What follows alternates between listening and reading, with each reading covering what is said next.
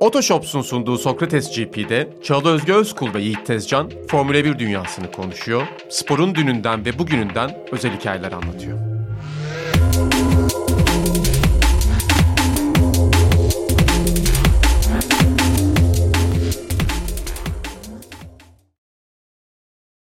Herkese merhaba. Sokrates GP'de yeniden beraberiz. Yiğit Tezcan karşımda, Sencer Yücel solumda.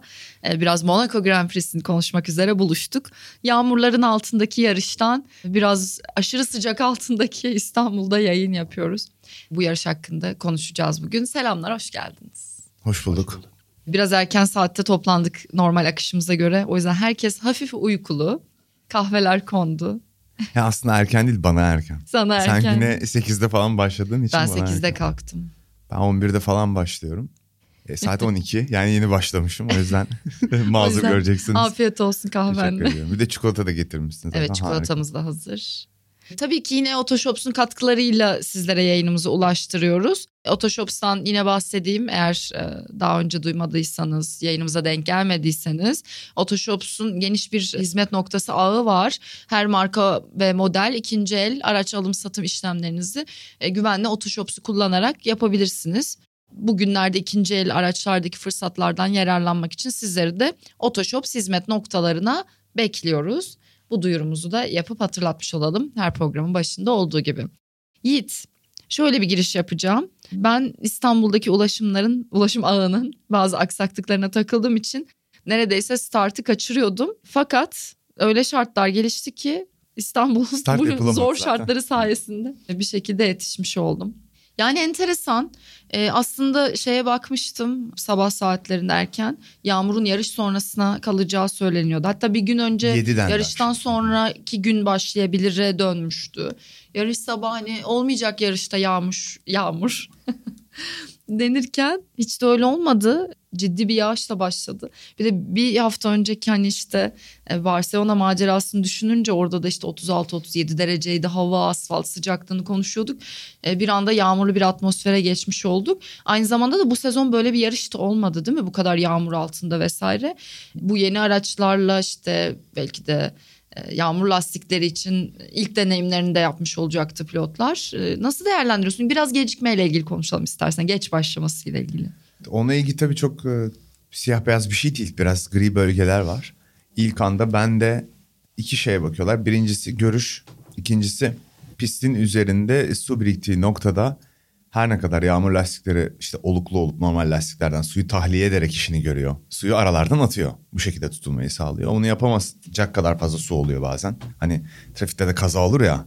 İşte Evet. galiba argoda şey denir. Yastık yaptı denir galiba ya da yatak yaptı denir. Öyle bir laf vardır. Aquaplaning aslında. Suyun üstüne sen hiçbir grip olmadan buzun üstünde gibi kayıyorsun. Bunu oluşturabilecek şartlar vardı. Başta ve yarış başlamadı. Ama sonra ben bir sinir oldum. Konuştuk seninle az önce Evet. biraz. Biraz fazla geç başladı yarış. Çünkü şimdi öncelikle güvenlik çok önemli. Ama Formula 1'in bir vazifesi de bence yarış mesafesini tamamlatmak her yarışta. Ben son 20-25 dakikanın biraz çarçur edildiğini düşünüyorum. Biraz da- Başlamadan önceki Evet, son 25 Evet, dakika. biraz daha sıkıya gelinecek şartlarda yarış başlayabilirdi. E, Latifi duvara çarpabilirdi. Hani ama sonuçta bir safety car çıkmadı orada. Hani Latifi'nin ve Stroll'ün ısınma turundaki olaylarında böyle bir şey yaşanabilirdi yine muhakkak olabilirdi yani. Ama ilk başta kararı anlıyorum. Kesin bir kırmızı bayrak çıkacak bir yarışı başlatmanın da anlamı yok. Hani %95 ihtimalle kırmızı bayrak çıkacak olsa göz göre göre başlatır mısın? Hayır. O yüzden Mantık ilk bu. karar mantıklı. Mantıklı İlk evet. açıklanan dakikalar. Ama problem şu. Gerçek bir yağmur yarışı da göremedik. O kadar geç baş- başlattılar ki şey hissi oldu yani. Ya Formula 1'de yağmurda, yoğun yağmurda yarışılmıyor artık. Hani durdurulan yarışlar da oluyor desisten. İşte Kanada var meşhur 3,5 saat bitti. Malezya'da bir yağmur yağardı artık gitmiyoruz böyle iklim yüzünden. Bir acayip bir yağmur yağıyor yani. Hani bir turda şey sen pite dönemiyorsun. Tura başlıyorsun yağmur başlıyor diyorlar kuru lastiklerle. Millet pistin dışına çıkıyor. Bir turda pite gidene kadar şey gibi su oluyor pistin üzerinde. Ben biraz daha erken başlayabileceği taraftarıyım. Yine bir de bir soruyla bizi bırakıyor. Onu zaten ileride konuşuruz. Tam yağmur lastikleri ve etlerle intermediate'ların farkını biz anlamadık time'la. Biraz daha hızlı intermediate'lar 3 tur boyunca. Sonra pist kurudu. Yani ve yarışın başında bir de Pierre Gasly e, şeyin arkasına takıldı. Joe'nun arkasına Evet. takıldı ama ön taraflı bir, bir saniyenin içinde turlar atıyordu Ferrari'lerle. Intermediate'lerle. Yani nedir bu iki Farkı setin ne? farkı nedir? Tamam sonda iyice kuruyunca Inter'ler daha hızlı oldu. Vettel tam olarak ne işe yarıyor bilmiyorum yani. Ben anlamadım. Anlamakta güç zaten böyle giderse de hiç anlamadan Yani bitecek bu farklı hikaye. şartlar oluyor. Inter'ler mesela o pist kuruyor kuruyor gibi gördüğün yerde böyle uzun uzun gittiklerini görürdün. Ama Vettel'le başlayan yarışta bariz bir ıslaklık şey olurdu Evet. ve o lastikler kullanılırdı. E, lastiklerin yapısının uygun olmadığına dair bazı şeyler var. Bu kadar yağmurda yarışmaya. E, Pirelli de tek başına olduğu için benim her zaman getirdiğim bir eleştiridir. Ben her zaman iki Hemen lastik. her bölümde bunu konuşuyoruz İki lastik tedarikçisi çok güzel. Çünkü teknoloji birbirini iterek olur. Nasıl takımlar birbirini itiyor. Bence daha iyi olur Formula 1 açısından. Gelişime teşvik eder diyorsun mecburen. Kesinlikle tabii o da ayrı tartışmalar çıkarıyor. Bu sefer lastikleri daha haksız rekabet yaratacak kural dışı bir uygulama varsa onu denetlemen gerekiyor.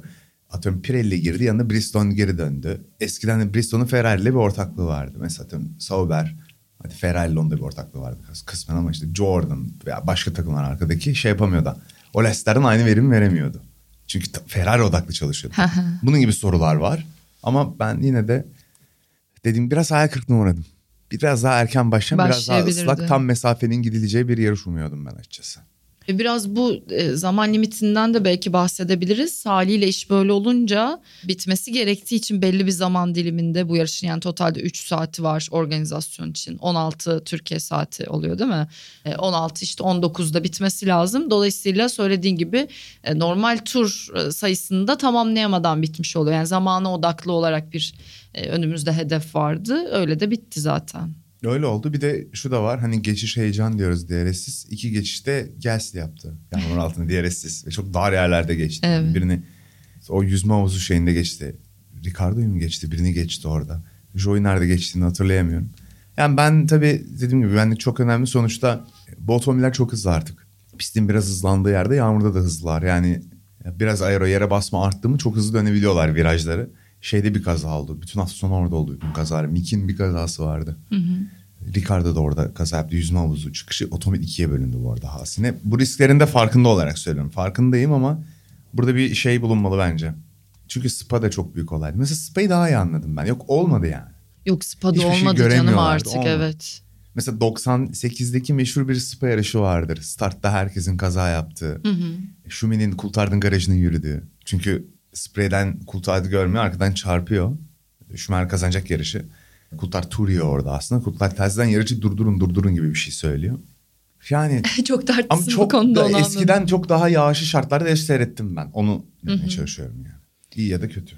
Nasıl değerlendirirlerse dinleyenler. Ya tabii herkesin fikrini merak ediyoruz ama bizim kendi aramızda konuşmalarımız işte diğer Formula 1 takipçileri, arkadaşlarımız, ortak gruplarımızda konuşmalarımızda herkes böyle bir ortak kanıya sahipti gibi hissettim. Ya bir de tabii şimdi şöyle de oluyor yani ekran başındayken e hadi artık hadi görmek istiyorsun. Tabii. Çok fazla dolayısıyla empati kuramıyorum ama muhtemelen pilotlar da sürücüler de çıkmak istiyor. Çünkü onlar adına da büyük bir dağınıklık, konsantrasyon dağınıklığı bunların hepsi. Mesela şöyle bir örnek vereyim. İşi yapan insanlar da bunu istiyor. Mesela Ricardo şey dedi. Yine kötü bir sıralama turu attım. Umarım belki dedi yarın çok yağmurlu olur yarış. Yani sürücüler de eğer arkadaki sürücüler için çünkü şansları eşitleyen bir durum oluşturabiliyor. Kaotik şartlar şeyler. DNF'ler. Yoksa şunlar, Monaco'da bunlar. özellikle yani sıralama neyse biraz kaderinize mahkum Evet. kalıyorsunuz. Yani pilotlar da özellikle gerideki pilotlar yağmur ister yağmurda iyi olan sürücüler. Evet. Hani biz ama tabii en iyi sürücüler biliyor. Biz ne desek işkembeden atıyoruz. O Kesinlikle. otomobilde gaza basan çıktığı anda feedback'i geri bildirimi veren onlar. Evet. Evet. Verstappen direkt başlasın istedi. Aslında biraz mimiklerden şeylerden de anlayabiliyorsun. Verstappen şeydi mesela rahattı. Başlatın başlatın dedi. Mick mesela şey diyordu sinirle gülerek onu duydun mu? Tedirginim. İlk defa bu kadar çok yağmur görüyorum bir Ya. pistte falan gibi bir şey söyledi. İşte. Ama yani kimin kaza yapacağını garantisi de yok. Verstappen de çok yağmurlu başlasa yarışı kalabilir yani. Çok anlık bir şey ki Anlık bir şey. ko- yani sıralamaları da konuşuruz birazdan. Ee, oradaki kazayı vesaire e, Lökler'in pol almasını. Yani şöyle biraz açılıştan tabii ki biz de startı konuşmuş olduk. Yarışın açılışı olduğu için sıkıntılarla dolu. Ee, bir de tabii hareketli start oldu. O çok doğru karar. Ee, Ona mesela hiçbir şey demiyor. Bir de zaten elektrik problemi olmuş. Ee, Start ışıklarına giden elektrikte de sorun varmış. Dolayısıyla yani hani biraz da mecburi gibi de görünüyor. E, Nasıl ilerleyelim? Yani Perez'in başarısını çok güzel konuşacağız bugün. Bir ana başlığımızdır elbette ve Red Bull'la beraber neler yapıyorlar Verstappen. Tabii ki Ferrari'nin pit stratejisini ve ne nasıl olabilirdi senaryolarını konuşacağız.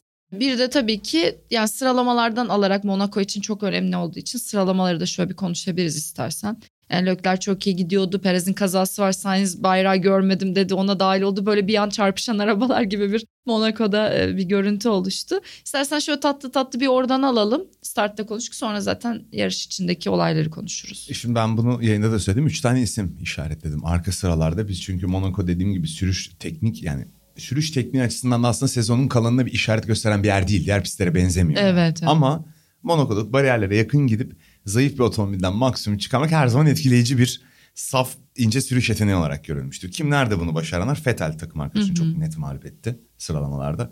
Alonso mağlup etti çok net. Bir de Norris takım arkadaşını net bir şekilde mağlup etti. Bir de bir hastalığı vardı aslında Norris'in zor bir hafta sonu geçiriyormuş. Güzelmiş. Galiba bademcikleriyle mi ilgili yani böyle hastaymış yani öyle bir şeyler okudum. Gençken oluyor öyle hastalıklar. Yaşlanınca geçiyor bu arada. Bağışıklık artıyor herhalde. Benim bademciğim de. Tam uydurmayayım da bu arada böyle bir şeydi diye hatırlıyorum. Onun dışında Lökler burada Ferrari'nin çok hızlı olacağını bu yayında da söylemiştik. Evet, evet. Biz Bir hafta önce Ferrari olalım konuşmuştuk. demiştik tabii. E, Lökler çok hızlıydı bütün hafta sonu. Bu pistte zaten çok hızlı o. Çarpma hikayesi. Ya ben tam olarak onun biraz tesadüf olduğunu düşünüyorum. Onu üstünden açacağını düşünüyorum. Yani o bir artık Lauda'nın otomobilinin orada da alay ettik adamla. Fren diski parçalanıp kaza yapması falan da yani artık biraz böyle bir şeye duruma dönüştü olay. Tesadüfler zinciri. Burada da yine şans yaver gitmedi. Strateji yüzünden gitmedi. İlginç bir not. Bu pistte yine çok karakter dışı bir pist seçildi. Yani normalde Formula 1 otomobilleri burada sürülmesi için yapılmıyor. Burada gitmesi için yapılmıyor. Aslında mantığına aykırı. Yıllardır yapılmıyor. Bu sezon için değil. Çok Yiğit yavaş üstelik çünkü. bu sezonki araçları da düşününce yani hani lastikler de daha büyüdü. Böyle yani araçların görüntüsü bence Monaco Grand Prix'si böyle başlarken araçlara bakınca çok devasa kalıyorlar e, Biraz piste göre. Otomobiller küçülmeli zaten. Onu ben de diyordum sene başında. Yer yok heyecan yani verici. araçların arasında. Belki biraz güç azaltılmalı buna karşılık ama otomobiller küçülmeli. Daha kontrol edilebilir ama nasıl diyeyim sana daha çevik, hızlı yön değiştiren, biraz daha böyle heyecan gösteren otomobiller olabilir diye ben de düşünüyorum. İşte bu tuhaf yapısı mesela Verstappen hiçbir zaman istediğini alamadı. Ne oldu Verstappen? Bir şey olmadı.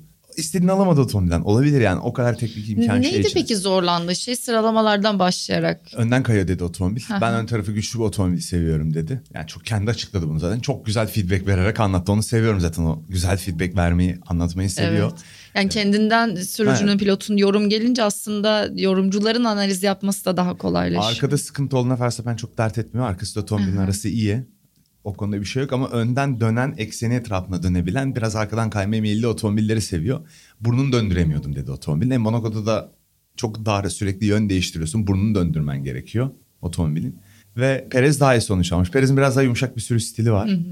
Daha iyi adapte olmuş olabilir. Çok yakınlardı bütün hafta sonu ve Perez belki ilk defa düzenli olarak bütün antrenmanlarda ilk defa Verstappen'in önündeydi. İlk yani herhalde. Evet.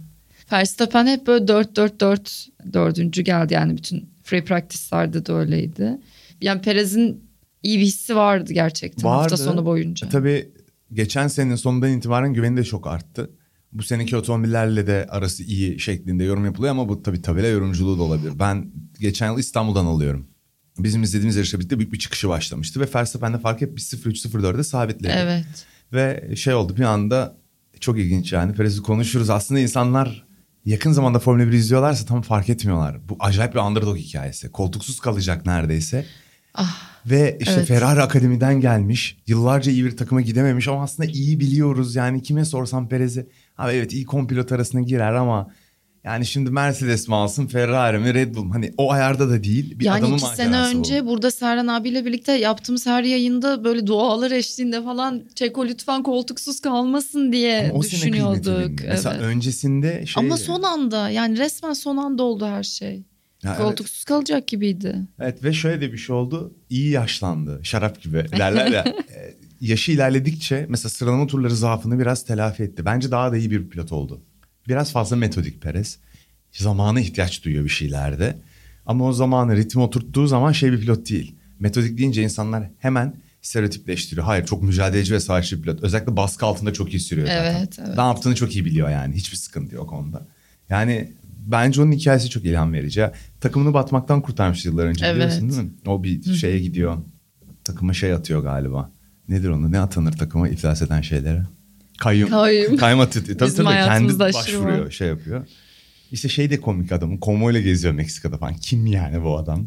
E sempatik de bir adam. Rahat da bitiyor. Bence Çeko şöyle herkesin sevdiği biri. Aile babası bir de. Evet. Hani o çok hep çocuklarıyla eşiyle fotoğraf paylaşırken Böyle görüyorsun. takımdan şeyden markadan bağımsız insanlar seviyorlar. Başarılı buluyorlar. Ama bir şekilde de sanki hiç o seviyeye de çıkarılmıyor. İlk çok arada çıkıyor, kalıyor. İlk defa evet. çıkıyor. Yani geçen yıl bence şeyden itibaren çıkmaya başladı. Abu Dhabi'deki Hamilton savunmasından sonra şey oldu. Evet evet. Savunma bakın. Kaç yıllık Formula 1 kariyeri var ve şey Peki şey nasıldır? Yani şimdi geçen hafta daha konuştuk. Telsiz konuşması. Verstappen Ziysa geçmesine izin vereceğiz dediler ona. O da dedi ki burada bir adaletsizlik var. Ve bir şekilde bittiğinde de yüzünden okunuyor da hala rahatsız oldu. Ve şimdi yani enteresan bunu hani bir şeye bağlamak ve bir sonuca getirmek için söylemiyorum. Ve fakat yani burada şimdi kazandı. Verstappen'den üçüncülükte kaldı. Yani şöyle bir sıralamaya baktığın zaman çok da geride değil değil mi yarışın içinde? yani 15 puan var Verstappen'le aralarında. Arada bir de Lökler var. Çok acayip bir noktadalar. çok yardımcı oluyor tabii. Tabii. Yani üst üste yarış dışı kalmaları. Verstappen'de biliyorsun DNF olmadan e, bütün defa yarışları kazanıyordu. Kaybetti bu kazanamadı. Defa. Onu zaten mantıksız bir... kazanamayacaktı zaten. Evet evet mantıksız yani. bir not olduğunu hep konuşuyorduk Ama da. atıyorum oradan da onun bir... Yani Lökler'in de şanssız oldu tabii. Onda katarsan aslında Lökler'le Verstappen bir 30-40 puan daha önde olabilirdi yani Perez'den. Fakat baktığında şu an yani tabloda işte birinci ikinci ayrımı geçen hafta bununla ilgili biraz tartışmıştık seninle burada hatta fikir tartışması gibi. E, bence çok net yani Verstappen Red Bull'un e, her şeyi yani marka yüzü işte zaten ne kadar başarılı bir pilot olduğunu sen benden daha iyi biliyorsun çok da seviyorsun. Ama bence ayrımları çok netti. Ne olursa olsun puan tablosunda şu an böyle bir durum var. Yani iki yarış sonra her şey bambaşka bir noktada da olabilir. Yani şimdi şöyle Verstappen, Muhtemelen de öyle olacak. Verstappen daha iyi bir pilot. Evet. yani biliyoruz ya belki gridin en iyi pilotu şu an. Hani yeni jenerasyon, yaşı da iyi, deneyimi de var, dünya şampiyonu. Öyle varsayıyoruz. da Birçok insan söyler bence bunu gridle yürüsek. Evet evet öyle. Toto Wolff de der muhtemelen. Yeni Verstappen der muhtemelen. Şey de demez tabii. Toto Wolff'e her şeyi Hamilton'ı karıştırıyoruz. rencide edecek bir şey de demez ama bir dost meclisine sorsan adam daha ne açıklasın. Geçen yıl en iyi olmayan otomobille dünya şampiyonu oldu dedi. Daha büyük bir iltifat yok birisine söylenebilecek. Ne olması lazım? Verstappen'in sürekli yarış dışı kalması lazım ve Perez'in böyle anormal öne geçmesi lazım ki dünya şampiyonu olsun. Çünkü gerçekçi olarak senaryo bu. Verstappen iki yarışta bir DNF olursa ve Perez sürekli ikinci, üçüncü falan olsa olabilir yani. Lauda'nın Prost'u yendiği sezonu anlatmıştım burada şampiyonların kahvaltısında. İki saniye hızlı olduğu yarışlar var Prost'un sıralama turlarında Lauda'dan ama Lauda dünya şampiyonu aynı otomobilde. Yani olamaz diyemem ama çok Max iki Çok kez DNF oldu değil mi? iki kez evet. Perez de bir kez oldu. Perez de çok istikrarlı. İkisi beraber aynı yarışta oldular zaten. Perez'in İlk mi? Bahreyn. Bahreyn değil mi? Bahreyn'de, İkisi birden oldu. Üst üste e, Üst yakıt pompasının üzerindeki. Ferrari'ye yaramıştı. Şimdi Perez'in sezonunu şöyle bir akıtalım bak. Bahreyn DNF, Cidde'de dördüncü, Avustralya Cidde'de Imola. de safety car harcamıştı Perez'e. Evet, evet, evet doğru. Evet. Avustralya Imola ikinci, Miami dördüncü, İspanya'da yine Katalonya'da ikinci oldu Ee, ve Monaco'yu da kazandı. Ee, bir de şimdi sana şunu soracağım. Bu kadar ikonik bir pist, hani üstüne tartışılıyor belki hani şu an ne kadar eğlenceli izlemek vesaire bununla ilgili. Ama sen böyle tarihi şeyleri seversin. Hı hı. Böyle Monaco kazanmak bir pilot için ne ifade ediyor? Çünkü çok duygulandı gördük ki hep böyle oluyor. Yani ilk kez Monaco kazanan bütün sürücülerin yüzünde acayip bir ifade oluyor. Başka yani çok başka olduğu belli. Nasıl hissediyorlar?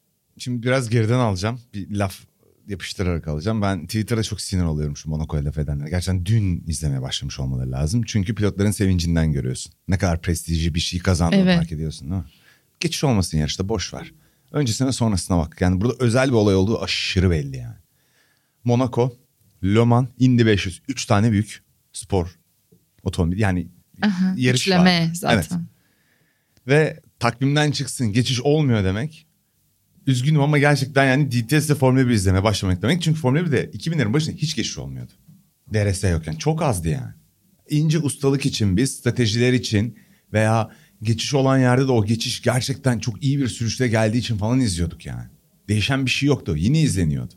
Daha az izleniyorsa oranlarsak o zamanki yönetim çok kapalıydı. Ecclestone yönetimi. Kapalıydı. Yani bir de şöyle bir şey var. DRS'de yapılan her geçişte heyecan verici değil. Birçok geçiş düzlük bitmeden önüne gelerek oldu. Geçiş mi? Bir geçiş manevrası yok yani. Düzlükte DRS açıyorsun geçiyorsun. Orta sıralardaki birçok mücadelede en sonunda DRS olan kazanıyor. Biliyoruz yani. Hani o yüzden biraz bence bu geçiş hikayesini Formula 1 de bunu çok güzel pazarlıyor. Çünkü geçmişte bence ulaşamadığı bir gruba ulaşıyor. Ama bu sadece DRS geçişlerinden değil, dünyanın en dramatik sezonu geçen yıl yaptıkları için. Yani Evet. o Netflix'in şovuyla birlikte bir de üstüne böyle bir sezon gelince ya Formula 1'in gözü döndü yani. Hiç ulaşmadığı bir kitleye ulaşmış oldu ve şeyleri post ediyorlar ya en çok geçiş olan yarış bilmem ne falan filan. Evet, saçmalığın daniskası o geçişlerin yarısında böyle bir geçiş planlaması ve stratejisi yok. Böyle bir gerçek var.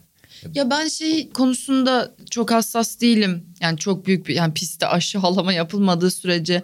Ya ben hani Monaco'dan çok keyif almıyorum izlerken diyen birine bir şey denmez bence. Yani Denmez. çünkü izlerken de zor gerçekten. Kesinlikle denmez. Hiçbir takip itiraz, ederken. Hiçbir itiraz. Ve yok. tek o hikayesi de yarışları heyecanlı izlemek olan biri için bu çok makul.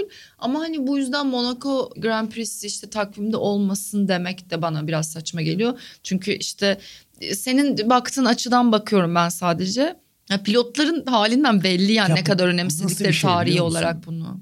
Şimdi statlar içinde Beşiktaş şimdi diye demiyorum. Ben konumu itibariyle akustiği falan Dünyanın filan en güzel statlarından. e, Şey, Vodafone yeri çok müthiş tamam çok ikonik. Belki de İstanbul kulüpleri için en ikonik stadyum yeri Bence orada. dünya O sıralamasının da yeri çok acayip. Başka bir yerde oynasa çok acayip olmaz mı? Onun gibi bir şey yani.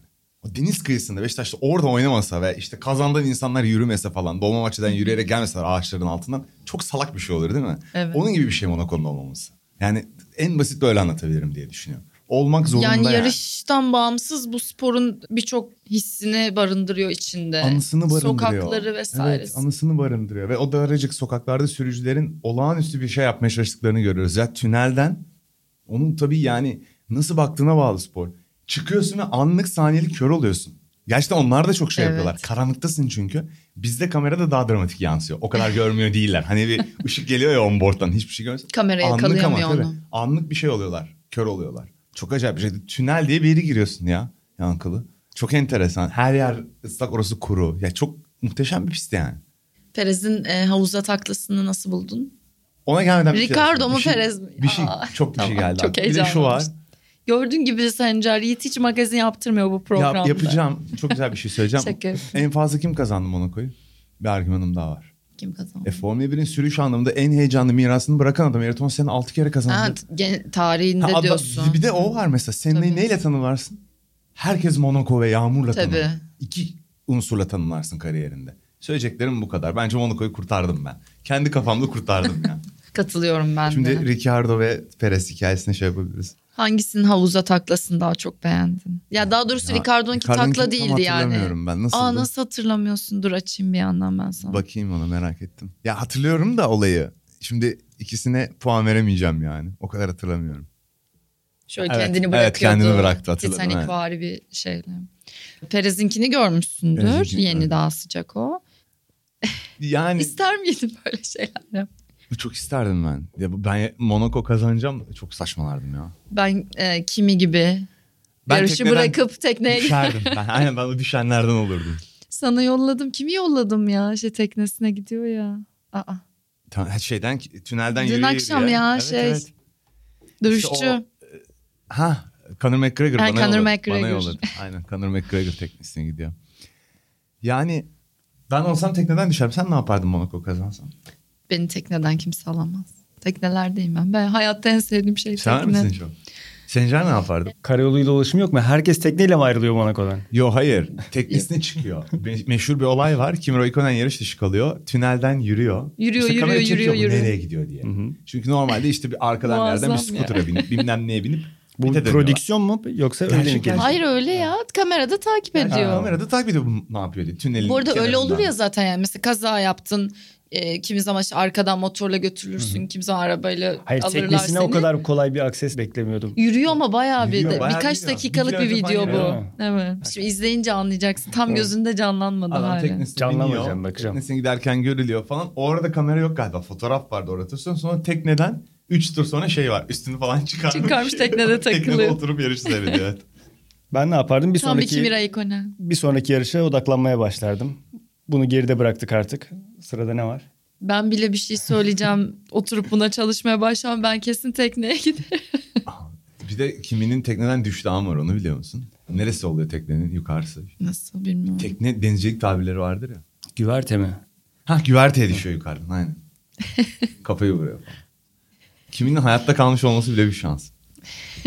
Keşke şu podcast'ta başladığımızda Kimi kim Raikkonen'de biz olsa. olsaydı ve zirve mesela Aa, McLaren evet. yılları olsaydı ne geyik dönerdi belli değil yani. Perez daha önce Sakir ve Azerbaycan kazanmış. 20-21'de. Üstüne Monaco kazanıyorsunuz ya bence çok iyi. Harika. Bir yalnız pattern var fark ettiysen cadde pistleri. Evet. İyi cadde pistleri. Bravo çok güzel. İyi olduğu pistler geliyor şimdi Perez'in. Kanada ve Azerbaycan'da da iyidir. Neler Enteresan olacak? iyi pistler geliyor ve fitili yanmış durumda Çeko'nun. En son Şimdi Azerbaycan'da ön- kaybetti. Azerbaycan var şimdi. evet.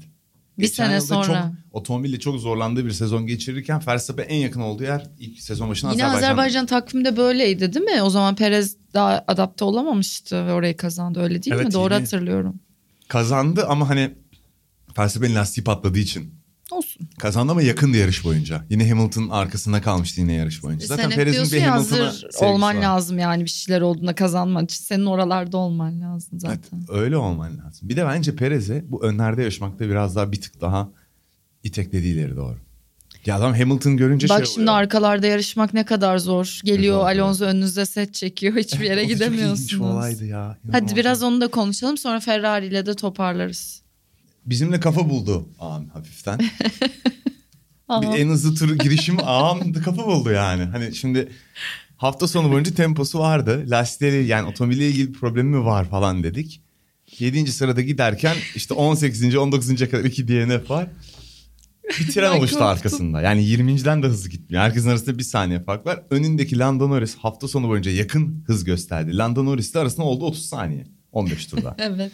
Ondan sonra gitti en hızlı turu attı arada bir tane hızlı turu. Tekrar yavaş gitmeye başladı. Sanırım en hızlı turu alma Hayır ama önce lastiklerini koruyamayacağını düşünmüş ya. O yüzden öyle davranıyormuş. E, tabii. Sonra bakmış ki o kadar da bir hasar olmuyor bari en hızlı turu alırız yani. Yani işte bu tabii şeylerin hoşuna gitti. Monaco'da geçiş çok çok sıkıcı abi. Bak görüyor musun Alonso'yu ne yapıyor falan filan. Diyenlerin çok hoşuna gitti yani. Otomobili park ediyor pistin ortasına istediği gibi sürüyor oyalıyor diye. Ama şey aslında onun bu tip bir baskı altında falan ne kadar rahat olduğunu gösteriyor. Yani ne kadar umurunda değil. 20 tane otomobil dizilmiş arkasına 15 tane. Umurunda değil yani. İşte Çeko da finalde iyi yönetti ya. Bunlar çok kolay geliyor insanlara. Bak ne kadar çok konuşacak şey kalmış Monaco'dan geriye. Hani Aslında hiç öyle çok- gibi evet. değildi. Çok Benim kolay, için çok, çok zor bir güzel. gündü zaten. Ben dün bir daha izledim. Bir daha izlemek için bir açtım. Esport'ta biliyorsun tekrarları kalıyor şeyin Plus'ta. 4 saat bilmem kaç dakika dedim ki yani ben buna nasıl yetişeceğim yayınlarım var vesaire. Sonra böyle toparlayarak önünü sonunu kese kese izledim de sonra şeyi düşündüm yani izlerken böyle bunalttı geç başladı arada bir şeyler oldu vesaire. Ya sanki güzel değilmiş gibiydi. Sonra bakınca yo yine bir sürü malzeme var yani. Çok kolay var. Ya, İlginç şeyler gördük. Mesela zavallı Hamilton yine birilerini geçemedi trafikte kaldı. Aslında acayip tempo yapıyordu yine bir yerde. Evet çok Hep- aslında çok baskılamadı mı Alonso'yu? Evet ondan önce de Ocon'un arkasında kaldı. Evet. O da bir şekilde bir- birinin bir iki saniye arkasından çıkmadan muzdarip bu sezon. Russell ne kadar iyiyse o işlerde o kadar kötü. Evet ve işte aslında ortalarda kalıncaki sorun diye bağlarken onu düşündüm. Yani ileride olsanız belki her şey biraz daha Hamilton'ın kolay oraya daha yapabileceği sıkışıyorsunuz. şey sıralama turlarında Russell'ı geçmek. Evet. Artık bir şekilde o Şu an kadar hiç sıfır geçemedi bu sezon. Yani çok minimal farklarla geçiliyor. Monaco'da son turunu atamadı galiba. Biraz daha büyük bir fark ama 0-2, 0-3 yani ikisi arasında. Son turunu atamadı halbuki lastik değiştirmişti Hamilton. Kaza olunca kaldı. O da bir de şey yeni lastiklerle iyi tur atamayanlar da oldu. Monaco bir tuhaf bir yer ya. İlk tur lastiği düzgün çalıştıramıyorsun. İstediğin ideal ısı aralığında çalışmıyor vesaire vesaire gibi şeyler var. Ne zaman Ferrari'ye geçelim? Ferrari'ye geçelim bence. Hadi geçelim. Sen ne düşündün izlerken? E, benim kafam çok karıştı. Ya bana biraz ters geldi. Aslında Sainz'ın e, telsizden ya biraz daha bekleyip direkt kuruya geçelim e, diye düşünmesi bana o an biraz mantıklı göründü. Çünkü onlar anlıyorlar pisti ve hava Pist durumunu takip onlarda, ediyorlar. Tabii. Pist pozisyonu da onlarda. Bu bana mantıklı göründü ama yani sanki Perez Verstappen işte Sainz Leclerc eşleşmesini Ferrari tarafı doğru yapamadı gibi hissediyorum. Ondan sonra da zaten büyük saçmalık. Yani bir şekilde bir panik hali. Şimdi Perez Verstappen'in önünde olduğu için ve e, intermediate'larla pite girip hızlı gidip vakit kazanmaya başladığı için Perez'i Leclerc'le istem eşleştirmek istemeleri normal. Ama bunu tamamen yanlış bir şekilde yapıyorlar geç kalarak. O apayrı bir olay. Şimdi Ferrari'nin elindeki alternatifler genelde önde giden arkadakine reaktif olarak Evet, karar verirsen. evet. Önde giderken bir anda undercut yapamıyorsun. Önde kimse yok zaten. Birinciyken Tabii, bir de Monaco'dasın bitemem. yani. Yağmur var. Evet. Acaba Inter mi bilmem ne hava belli değil falan derken. Hatası şu Ferrari'nin. Perez pit yaptıktan sonra hemen pit yapmalılardı. Leclerc'le ya da yapmamalılardı ve direkt kurulara geçmelilerdi. Hata bu. Birinci hata bu. Şimdi şeyleri tur tur açayım. Ya evet Perez'in girişi 16. İki turda 18 Leclerc'i bekliyorlar. İki turda Lökler'den 8-8,5 saniye almış Evet. Inter'lerle. Yani ya hemen gireceksin yanıt Aha. vereceksin ya da diyeceksin ki hayır uzun vadede Perez bir kere daha kurular için durmak zorunda kalacak. Ben Vet'ten kuruya geçeceğim. Hı hı. Bu kadar yani. Kafasını karıştırmayalım insanların tur tur. Yapacağı şey buydu Ferrari'nin. Ferrari ne yaptı? İki stratejiyi de tam uygulaması gereken vakitte uygulamayı panik olup Inter'lerle çok vakit kazanıyorlar diye Perez şeyi aldı. Lökler'i alıp Inter'leri aldı. Sainz'in ne karar bu ver. Bence de işte değil mi? Ee, bir de bence kararın ne olduğundan bağımsız ki bu yanlış da olabilir. Yani bu yarış saçmalamış olabilir ki Ferrari'de yani tekrar böyle bir nostalji hatırlatması gibi oldu bu. Bence o panik hali çok daha kötü. Yani bilmiyorum Red Bull'da hisset benim galiba geçen hafta mı söyledim bir önceki haftaki programda mı hatırlamıyorum. Yani bu hani sonucu şu anda öngörüyorum demek değil ama Red Bull'un ağırlığını bir hissettim yani daha şampiyonluğa hazır olduğunu hissettim demiştim. Tam olarak aslında söylemek istediğim şey bu. Yarışmayı çok iyi bilen bir takım. Evet yani bir şekilde onların o rahatlığı kararları Ne doğru veriyor olmaları. Ferrari kadar bence e, gelenekçi kurumsal olmalarının çok büyük avantajı var olmamalarının. olmamaları. Yani Red Bull isim olarak yaptığı şeylerle düşün markayı. Her zaman hareketli, her zaman böyle ekstrem şeyler yapan ve bence dışarıdan görüldüğü kadar takımın başarısına da bakarsan bence insanlara da rahat bir şekilde çalışma imkanı sunan, tutkuyla işini yaptıran bir yere dönüşüyor. E, tutku şey demeyeyim, enerjiyle hani yüksek. Gerçekten onu taşıyor Red Bull takımı. Hep vardı. Hep eskiden beri inovatif şeyli. Yıllardır rekabetin içindeler. Hiçbir zaman yok olmadılar ve bunlar bir Mercedes Ferrari düş- değil düşün. İçecek markası ya. Ne İçecek markası deyip geçme uzaya gidiyorlar. Ya tabii ki Vallahi çok dev büyükler bir, gerçekten. dev, de- dev bir şirket ama ne olursa olsun işte bir içecek markasına yenilme hikayesi var ya Formula 1'de. Ne olursa olsun işi otomobil olan adamları mağlup ediyorlar. Bak Honda motoru gerideydi. Motorları yok adamların. Kendileri motor üstünde şimdi çalışıyorlar geçtim. Honda'dan destek alıyorlar uzaktan ama. Ve bence evet o anlamda ne geçiyorum. Ferrari'de bir de şöyle bir şey oldu. İkinci pitte Leclerc de kurular için durdu ya. Sainz'in arkasında 3 saniye daha kaybetti. Evet. Sainz çıkarken Perez'in arkasında ilk şöyle bir olay oldu. Çıkış turu çok kötüymüş. Evet. Neden? Neden? Pist hala ıslak biraz daha. İlk hardları ondan bir iki tur önce aldılar ama yani aslında Sainz'ın da stratejisi tam kusursuz değil. Hafif Sonuçta gecikmeli ilk bir hata turum var. kötüydü diyor ama pist çünkü kötüydü. Yani Tam hazır değildi. en ideali neydi biliyor musun? Perez'e Inter dediler ya hayali senaryo. Aha. O zaman Inter'e geçeceklerdi. Perez de Inter'e geçelim dedikten iki tur sonra aldılar. Çünkü Gelsi Inter'lerle iyi gidiyordu. Atıyorum 16-17 gibi girdi ya Perez. 14-15 gibi girecekti. Kim girse acayip karlaşacaktı. 8 tur 10 tur Inter'le atacaktın. 40 saniye olmasın. Tam 30 saniye vakit kazanacaktın. geçti artık ondan sonra tekrar girdin. Çünkü bir pit stop 20 küsür saniye mal olsa sana. 30 saniye kazansan 8 turda 8 saniye kazancın oluyor yani pit yaparak bile onu şey yapıyorsun. Ee, O avantaj dezavantajı avantaja çeviriyorsun sonra kurulara geçeceksin. Tık tık tık diye işleyebilirlerdi. İşte Ferrari'nin hatası şey oldu. Bari ıslaktan kuruya geçselerdi direkt. Evet. Orada kalsalardı yani.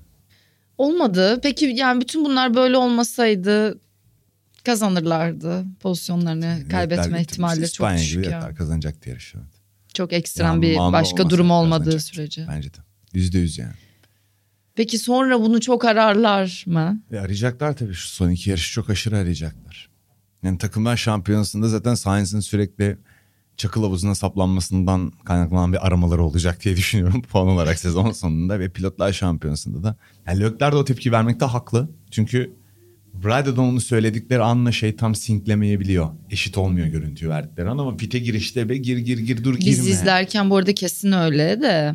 Yani bizim izlediğimiz şeyde yani Drive to Survive gibi yani bir kurgu var ve çok doğru anlarda görmüyoruz ekrandaki arkasında şeyleri. 3 saniye bekledi ya. Daha kötü karar ne olurdu biliyor musun? Inter'le kalsa kuruları geçmişken millet belki bir 4-5 saniye daha kaybedecekti. Piste kalsa şey girme demeleri daha da kötü bir karar olurdu sonuçta. Evet. iyice yani şey dikmiş olurlar. Ya bir de işte o paniği yapmayın artık girdi. Yani girdi artık mesela çok garip bence çok Ya sıkıntı. o Perez de şeye panik oldular. Perez hızla fark kapatmaya başladı tamam mı? Sainz ve Leclerc'le şey arkadan. Dört yani o an arkalarında ilk pit yaptı ya Perez geriye düştü. Çok hızlı fark kapatmaya başladı.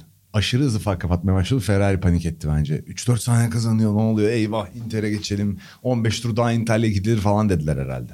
Yani ben olsam panik olurum haliyle ki bu çok normal ama sanki onların daha az olması lazım. Bu arada yani bu sezonu son derece karizmatik caps'lerle geçiren Binotto başka şeyler görsellerle geçen sene görselleriyle geri dönmüş oldu. Bir 2-3 senenin birikmiş şeyi var. Evet. Herhalde bir nokta geldiğinden beri. Dediğim gibi yani acemice göründü ama o kadar kolay değil o iş. Bir sürü Tabii şey var canım. yani pistte arkasına düşmek istemiyorsun vesaire bir sürü şey var. Kendi kendine undercut yapamazsın de giderken yani. Ama burada korkutucu olan şey şu sonuçta yanlış stratejiyi seçip yarışı kaybedebilirsin. Stratejideki bağlı kalamamaydı. Yani stratejin senin vetten direkt kuruya geçmekse bağlı kal. Onu yap. Ya da bir pilotla kal, Lökler'le direkt yanıt ver. Bu da cebinde dursun. Yanıt vermek olsun direkt şeyin. Benim tabii ki çok iyi hesaplıyorlar pit turunu. Çok iyi biliyorlar ama hala şey tam iyi bilinmiyor bu arada. Tam hangi noktada intermediate verimli dry. Denemeden bilmiyorsun piste çıkıp. Denemen lazım yani. Sürücüye kalmış falan filan bir olay. Bence de bu sezon gerçekten böyle bir havada yarışılmadı hiç. evet. Ama tabii yıllarca yarışmış insanlar var orada. Evet Şey ama araçlar başka, lastikler de farklı, bir sürü şey değişti. Bilmiyorum sen daha iyi biliyorsun elbette ama. Ya Ferrari saçmaladı özetle. Ya o tek stratejiye bağlı kalacaklardı ya da direkt reaksiyon vereceklerdi. Arada böyle korkup panik yani iki tur sonra Inter'i almak Red Bull şeyi oltaya atmış oldu. Ya, o cidden olta attı yani. Verstappen de girdi hemen arkasına. Aha. Uf, çok güzel oltaya attılar yani. Zaten Horner yarış devam ederken stratejilerimiz çok doğru gidiyor falan dedi. Peki benden bu kadar. Yani çok detaya girmedim. Schumacher kazasından da biraz başta bahsettiğin için tekrar girmedim. Eğer istersen bahsetmek istediğin bir şey kaldıysa. Bir olay var. Sainz'in kuru lastiklerle düzlükte nasıl kaydığını hatırlıyor musun? Üf. Ya, o var ya korkunç bir şey işte. Korkunç bir kaza olurdu yani. Orada iyi tuttu otomobili. Biraz da adamı savunalım. Hep sezon boyunca alay ettik yani. Evet ya ne İyi olursa olsun. otomobili. Yine, Yine hani o geçiş havalarının pist kuru görünse bile ne kadar tehlikeli olabileceğini gösterir. İnanılmaz tuttu otomobili yani. Valla buradan. Carlos Sainz'a yine sevgi yolladığımız bir bölüm daha oldu. Sebebi ne olursa Carlos olsun. Blinds esprisi yaptım ben şimdi. Evet gördüm. İyi bir espriydi bence. Fena değildi. Çok teşekkür ediyorum Yiğit. Ben Haft- teşekkür haftaya ederim. buluşuruz herhalde. Bir Nerede aksilik olmazsa. Azerbaycan'a bir boşluk Zaten var. üst üste yarışlar geliyor. Ama şimdi bir boşluk var bir değil mi boşluk haftaya? var sonra O- Azerbaycan, Kanada, Azerbaycan üst üste. Dur açayım ben de. Evet. Azerbaycan, Kanada sonra boşluk var. British. Bu takvimi kim yapmış? Yani Azerbaycan'dan Kanada'ya bir hafta içinde gitme kimin fikriymiş? Bir haftada gidilir ya. Yani gidilir Takımı, de genelde lojistik. ya düştük şu an değil mi? düştük evet yedik ya. Trolle Trollendik düştük. yani aynen. Ama Monaco Azerbaycan arası boşluk olacağını gerçekten Azerbaycan Kanada arası daha mantıklı değil mi? Yanlış mı bakıyorum ben? Yok. Ne o işte. Nedense hayatta bu inanılmaz yetkin kurumların sürekli olarak senin de görebildiğin abes iştigal kararları oluyor. Yoksa böyle olmasa kötü bir ürün çıkmazdı mesela piyasaya saçma. Doğru. Bir şey olmazdı. Yani. Ya cidden çok mantıksız. Bu yani. arada Takvim şöyle bir bakınca tekrar yani daha o kadar çok yarış var ki her şey çok değişecek. Çok güzel şeyler yaşayacağız gibi geldi bir an bakınca. yapmak. Şunu da söyleyeyim ama Kanada geleneksel olarak Avrupa sezonunun ortasında durur hep. Hı hı. Neden acaba yani çok ilginç. Hiç düşünmedim üzerine ilk defa düşündüm. Hep böyle işte okyanus ötesi Mevsimsel Avustralya, olabilir mi? Malezya, Çin falan gibi yarışlarla başlar. Sonra hop Avrupa'ya geçeriz. Sonra ortasında Kanada olur. Olabilir. Kanada'yı sıcak buldukları böyle ufak bir aralığa falan mı? İşte onun için dedim mevsimsel olabilir mi diye ama Ha, çok da bir fikrim pardon. yok. Kanada'nın en meşhur özelliği ne biliyor musun? İstanbul'a dönmesi mi nedir? Okey mi? Şey şampiyonlar duvarı. Şampiyonlar Duvarı. Bir yarışta pistteki 3 dünya şampiyonda çarpıp yarış dışı kalıyor duvarda. Ama bir yandan da sorun şey gibiydi yani hani Kanada'nın neyi meşhur? Hani bir şey Pisti yarıştan sor. bağımsız bir soru gibiydi İstanbul'a dönüşüm. Bugün Formula 1 nerdiyim. Şey espriler yapmıyorum. Bugün konuda boş kaldım. yapmadan geçiyoruz diye düşünüyordum yine Boş yap- yaptık ha. yapma. Aa şeyleri konuşmadık gerçi ben çok görmedim. Lewis Hamilton'la LeBron James beraber fotoğrafları var. Başka böyle celebrity'ler falan gördünüz Jon mü Snow Monaco'da? gelmiş. Kit Harington gelmiş onu gördüm. Adamın da adının Jon Snow kalması. İşte. Miami magazinsiz geçtiniz. Bunlar Bir şey demedik ama. Ve yanındaki Wildling kız arkadaşıyla gelmiş. O da Wildling kaldı. Adını unuttum. Ha, şey Kızıl. kızıl, olan Evet. kız. Evet. Onlar hala birlikte mi ya? Evet, birlikte Böyle yani. bir konuya Anlaşılan geçiyormuş. öyle yani. Başka? Jackie X falan vardı istersen hep oralarda. Oraların elçisi o zaten. Beyi yani. Bir de Frankofon ya. Belçikalı Evet. falan şey gelenekten herif. 3-5 tane işte Conor McGregor'ı gördük. Şey onun teknesinin markası neydi ya? Garip uzay mekiği gibi bir şeye bindi. Marty Sartis. Conor son dövüşlerin hepsini kaybediyor bu arada. Artık onun işi şey. Yani Şov. olur o kadar. İyi bir vücut ve şov yani. Başka Allah Allah. O kadar magazin diyorsun. Sen de o kadar magazinci değilsin Ben, ha. çünkü ben hiç değilim bu arada gerçekten. Ben 3 yıl sonra falan öğrenirim. Mesela Brad Pitt'le Angelina Jolie boşanalı o kadar zaman geçmiş. Ben 2 sene sonra falan öğrendim. Ha boşandılar mı onlar? Bak Bak. Demek boşanmışlar. muazzam bir ekibiz. Hayır. Peki bizden magazin bu kadar çıktı. Şimdi Ee, Angelina Jolie bekar mı? Angelina Jolie Weekend'le beraber. O, o kadarını da sandım. Çok geç kalıyorum ben ya. Araya girişim ama çok, çok geriden takip ediyorum olayları. Bir dahaki sefere. Bir daha Evet, Azerbaycan öncesi bir şeyler atarım. diyerek Otoshops'a gerçekleştirdiğimiz Sokrates GP'yi burada noktalıyoruz. Yeniden görüşmek dileğiyle. Hoşçakalın. Hoşçakalın. Otoshops Sokrates GP'yi sundu.